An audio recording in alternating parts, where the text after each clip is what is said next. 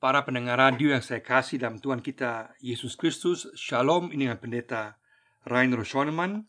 Pada saat ini kita bersama-sama akan merenungkan tema Yesus memberi kelegaan. Yesus memberi kelegaan. Kita membaca dari Matius pasal 11 ayat 25 sampai 30 Matius pasal 11 ayat 25 sampai 30 Pada waktu itu berkatalah Yesus Aku bersyukur kepadamu Bapa, Tuhan langit dan bumi, karena semuanya itu engkau sembunyikan bagi orang bijak dan orang pandai, tetapi engkau nyatakan kepada orang kecil.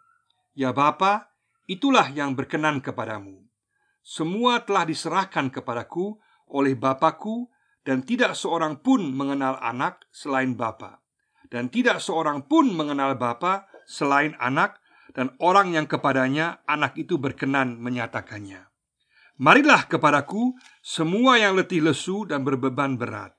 Aku akan memberi kelegaan kepadamu. Pikulah kuk yang kupasang dan belajarlah padaku karena aku lemah lembut dan rendah hati dan jiwamu akan mendapat ketenangan. Sebab kuk yang kupasang itu enak dan bebanku pun ringan.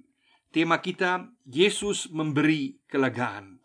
Perikop Matius 11 ayat 25 sampai 30 ini secara keseluruhan menjelaskan siapa yang diterima oleh Allah, yaitu mereka yang seperti anak kecil dalam kerendahan hati menerima penyataan Allah Bapa. Kita lihat di ayat 25 dan ayat 26.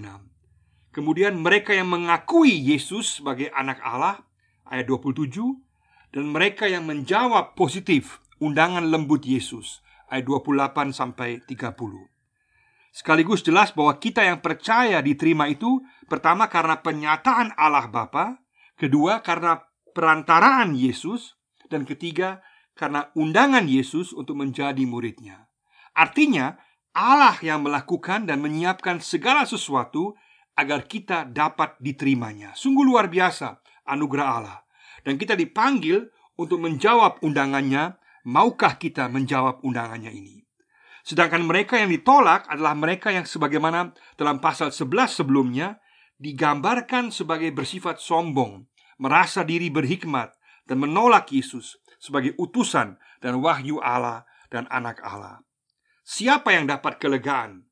Secara keseluruhan dapat dijawab yaitu mereka yang menerima penyataan Allah dalam Yesus dalam sikap rendah hati mengakui Yesus sebagai anak Allah dan menerima undangan Yesus untuk menjadi muridnya. Ada empat hal yang Yesus tekankan di sini. Yang pertama adalah undangan Yesus. Undangan Yesus dalam pasal 11 ayat 28a dan juga ayat 25 sampai ayat 27.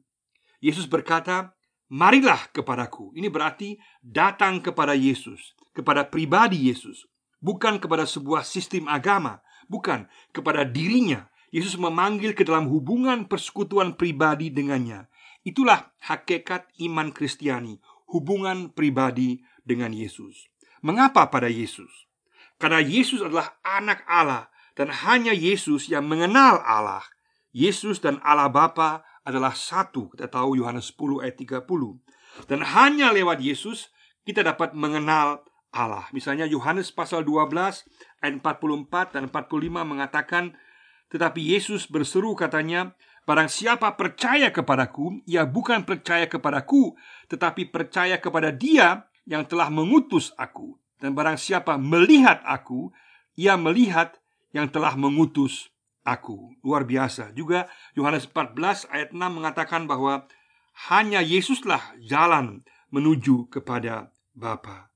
Hanya Allah yang sungguh mengenal Yesus dan memberikan kuasa kepada Yesus. Hanya Yesus yang sungguh juga mengenal Allah. Sehingga ini merupakan sebuah klaim penyataan diri Yesus yang luar biasa dan tidak ada duanya di dunia. Berarti datang kepada Yesus adalah datang kepada pencipta dunia sesuai dengan Yohanes 1 ayat 1 sampai 3. Firman yang telah menjadi manusia. Juga Ibrani 1 mengatakan bahwa Yesuslah wahyu Allah yang sempurna bahwa Yesuslah yang telah ada dari mulanya dan telah ada bersama-sama dengan Allah Bapa kekal dari kekal kepada kekekalan.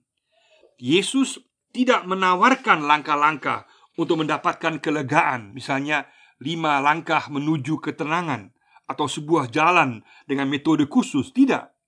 Tetapi Yesus menawarkan dirinya.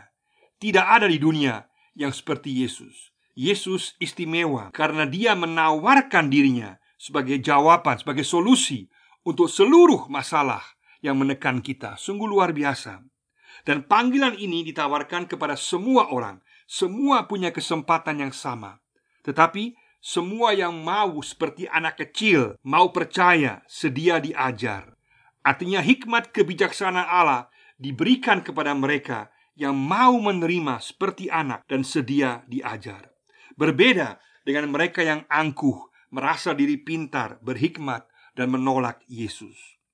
Yesus menawarkan ini kepada semua yang letih lesu dan berbeban berat.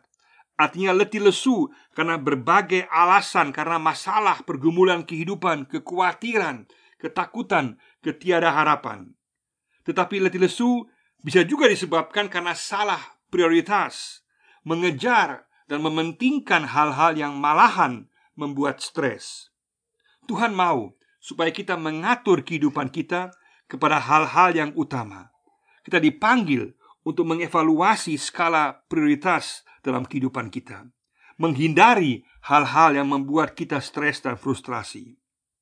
Beban berat di sini adalah berbagai peraturan berat agamawi dari para pemimpin agama pada waktu itu yang malahan menekan. Kita dipanggil untuk dapat membedakan apa yang merupakan perintah Yesus dan apa hanya merupakan peraturan manusiawi belaka. Yesus tidak mengatakan bagaimana dan kapan dia akan menyelesaikan masalah kita. Tetapi dia katakan dia pasti akan mengatasinya. Yesus mau supaya kita percaya penuh kepadanya. 1 Petrus 5 itu juga katakan, serahkanlah segala kekhawatiranmu kepada Tuhan karena Dia yang memelihara kamu. Yesus mau supaya kita percaya bahwa padanya kita akan mendapatkan solusi, akan mendapatkan penyelesaian masalah kehidupan kita. Kita hanya akan mendapatkan ketenangan bagi jiwa kita jika kita memiliki harapan. Dunia menawarkan berbagai jenis harapan, tetapi merupakan PHP, pemberi harapan palsu, yang hanya memberikan pengalihan perhatian untuk diri kita atau menipu diri kita dan tidak melegakan. Yesuslah jawaban untuk segala kekhawatiran, ketakutan, dan kebutuhan yang kita miliki. Terimalah undangan Yesus. Datanglah pada Yesus. Yesuslah alamat yang benar. Dialah Allah pencipta dan penguasa dunia. Hanya Dia yang dapat menolong kita kini dan juga kekal selamanya. Mari kita tinggalkan semua jenis letih lesu yang disebabkan oleh kita sendiri dan menyerahkan semua masalah pergumulan kepada Yesus. Mari kita lihat dan fokus kepada apa yang sungguh penting dan bernilai dalam hidup ini dan untuk hidup kekal. Inilah kesempatan untuk kembali pada hal-hal yang mendasar dan utama dalam kehidupan pribadi dan keluarga. Bersyukur untuk semua hal baik yang kita miliki. Yang kedua di sini adalah pemberian Yesus. Pemberian Yesus pasal 11 ayat 28b. Pemberian Yesus adalah sungguh luar biasa yaitu kelegaan. Kata kelegaan di sinilah kata Anapao artinya menyegarkan secara terus-menerus, kini dan kekal selamanya. Artinya kita disegarkan dalam hubungan dengan Yesus. Artinya kita mendapatkan orientasi, makna hidup, penerimaan, kasih, pengampunan, pengharapan dari Yesus. Kelegaan dalam kehidupan kekal secara sempurna. Kita baca misalnya Wahyu pasal 14 ayat 13 saya bacakan karena sangat penting Wahyu 14 ayat 13 dikatakan dan aku mendengar suara dari sorga berkata tuliskan berbahagialah orang-orang mati yang mati dalam Tuhan sejak sekarang ini sungguh kata roh supaya mereka boleh beristirahat dari jerih lelah mereka karena segala perbuatan mereka menyertai mereka juga dalam Ibrani 4 ayat 9 dikatakan bahwa kita akan masuk dalam perhentian kekal bersama-sama dengan Tuhan. Artinya ada kelegaan baik di masa depan dalam kehidupan kekal, tapi juga untuk kehidupan kita saat ini. Kelegaan bukan berarti istirahat atau bebas dari kerja, bukan. tetapi kelegaan di tengah kerja dan di tengah-tengah kehidupan sehari-hari. Kelegaan ini ada saat kita hidup dalam hubungan pribadi dengan Yesus. Ada ketenangan dalam hubungan dengan Yesus. 1 Yohanes 3 ayat 19 mengatakan bahwa pada Yesus kita dapat memperoleh ketenangan bagi diri kita. Maka kelegaan kita peroleh karena kita tahu kita diterima oleh Yesus sebagaimana kita ada. Kita dihargai dan dikasihi. Ini membuat kita lega dengan tidak harus mengejar pengakuan orang lain. Kita boleh bernafas lega dan mengatakan kita diterima, dihargai, dan dikasihi oleh Yesus. Kelegaan juga kita peroleh karena kita memiliki kepastian pengampunan dosa. Kelegaan juga kita peroleh karena kita memiliki makna dan arti hidup dalam Yesus. Kita bukan ada secara kebetulan, dan dalam Yesus kita mempunyai orientasi untuk hidup kita sekarang dan kekal. Kelegaan juga kita peroleh karena kita tahu Yesus memiliki rencana yang baik dan yang indah bagi hidup kita saat ini dan kekal selamanya di sorga. Kita boleh merasa lega berada dalam tangan keselamatan Yesus. Kelegaan juga karena hal-hal yang tidak kita mengerti dapat kita serahkan ke dalam tangan Tuhan yang baik. Lega karena Tuhan Yesus yang berdaulat dan membawa segala sesuatu kepada tujuannya yang baik. Meskipun walaupun kita sekarang tidak mengertinya. Kita boleh percaya kepadanya karena Yesus pencipta dan juru selamat kita. Masa depan kita ada dalam tangannya yang baik. Puji Tuhan, ini membuat kita sungguh-sungguh lega. Kelegaan kita peroleh karena memiliki pengharapan yang pasti karena Yesus Sang Allah pencipta sendiri yang mengatakannya Dan firmannya Ya dan amin Sungguh-sungguh benar dapat diandalkan Dalam kehidupan kini dan kekal selamanya. Mari sama-sama kita sungguh-sungguh menyambut dengan sukacita pemberian Yesus yang luar biasa. Kelegaan dalam segala bagian hidup kita. Katakan kita mau hidup dalam persekutuan yang erat dengan Yesus. Karena hanya dalam persekutuan dengan Yesus kita akan memperoleh kelegaan. Dan ini merupakan sebuah proses yang panjang di mana hari demi hari kita akan semakin mengalaminya dari kelegaan kepada kelegaan yang berikut. Yang ketiga, perintah Yesus. Pertama adalah undangan Yesus, yang kedua adalah pemberian Yesus, sekarang yang ketiga adalah perintah Yesus. Pasal 11 ayat 29a. Pikulah kuk, panggilan untuk menjadi murid Yesus untuk menjadi serupa dengan Yesus. Bukan Kuk hukum Taurat, tetapi menjadi murid Yesus.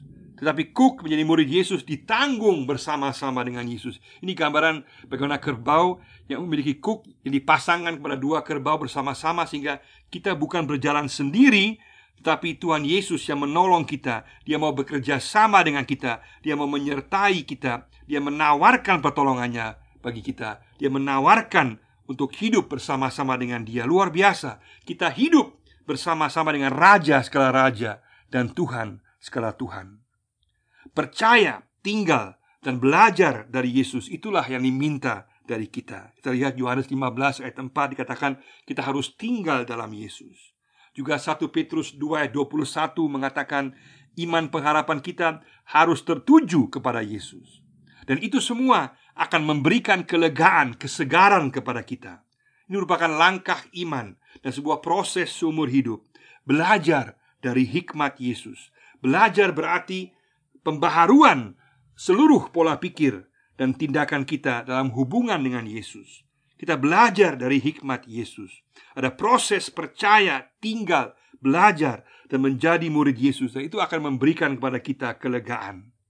Dan hanya orang-orang yang menjadi murid Yesus dan belajar dari hikmat Yesus akan mengalami kelegaan. Katakan Tuhan Yesus, aku mau percaya, aku mau tinggal dan menjadi murid Yesus. Aku percaya bahwa dalam menjadi muridmu Yesus, aku akan memperoleh kelegaan. Bersamamu dan dalammu Yesus, aku lega. Yang keempat adalah dasar alasan Yesus. Dasar alasan Yesus pasal 11 ayat 29b dan ayat 30. Bagian terakhir ini sungguh luar biasa. Yesus memberikan dasar alasan mengapa kita dapat mengikut Dia. Karena Yesus lemah lembut dan rendah hati. Jadi otoritasnya, wibawanya adalah lemah lembut, artinya peduli dan mementingkan kepentingan manusia. Yesuslah yang menyatakan Allah sebagai penggenapan perjanjian lama. Melalui Yesus kita dapat mengenal Allah. Yesus rendah hati dan berkorban untuk kita manusia. Dia bukan saja peduli dan mementingkan kita manusia berdosa, tetapi juga rendah hati. Yesus merendahkan diri dan menempuh jalan salib untuk menebus semua dosa kita. Yesus tahu keadaan kita. Dia peduli kepada setiap pribadi kita dan Yesus berkorban bagi kita. Itu artinya dia lemah lembut dan dia rendah hati. Sungguh luar biasa. Semuanya telah tersedia dalam Yesus. Kasih, penerimaan, pengampunan, keselamatan, pertolongan, kemenangan atas kuasa dosa dan iblis dan kepastian kehidupan kekal. Semuanya telah tersedia. Sekarang Yesus memanggil kita. Maukah kita menerima undangannya dan datang kepadanya? Hidup dalam persekutuan dengannya. Maukah kita menikmati pemberian kelegaan dalam kehidupan saat ini dan dalam kehidupan kekal selamanya? Disegarkan olehnya secara terus-menerus dalam kuasa Roh Kudus. Maukah kita menjadi murid Yesus dan belajar dari hikmat Yesus? Ini akan memberikan kepada kita kelegaan, ketenangan dalam jiwa kita. Maukah kita menghargai dan mensyukuri serta menyembah Tuhan Yesus karena kelemah lembutan dan kerendahan hati Tuhan Yesus yang luar biasa. Yesus yang peduli dan berkorban bagi kita. Marilah sama-sama kita menjawab undangan Yesus yang berkata, "Marilah kepadaku semua yang letih lesu, aku akan memberikan kelegaan dan ketenangan bagimu." Hanya dalam Yesus Sang Pencipta dan Juru Selamat ada kelegaan. Yesus memberi kelegaan dalam hidup kini dan kekal selamanya. Datanglah kepada Yesus. Tuhan Yesus memberkati kita semua. Amin.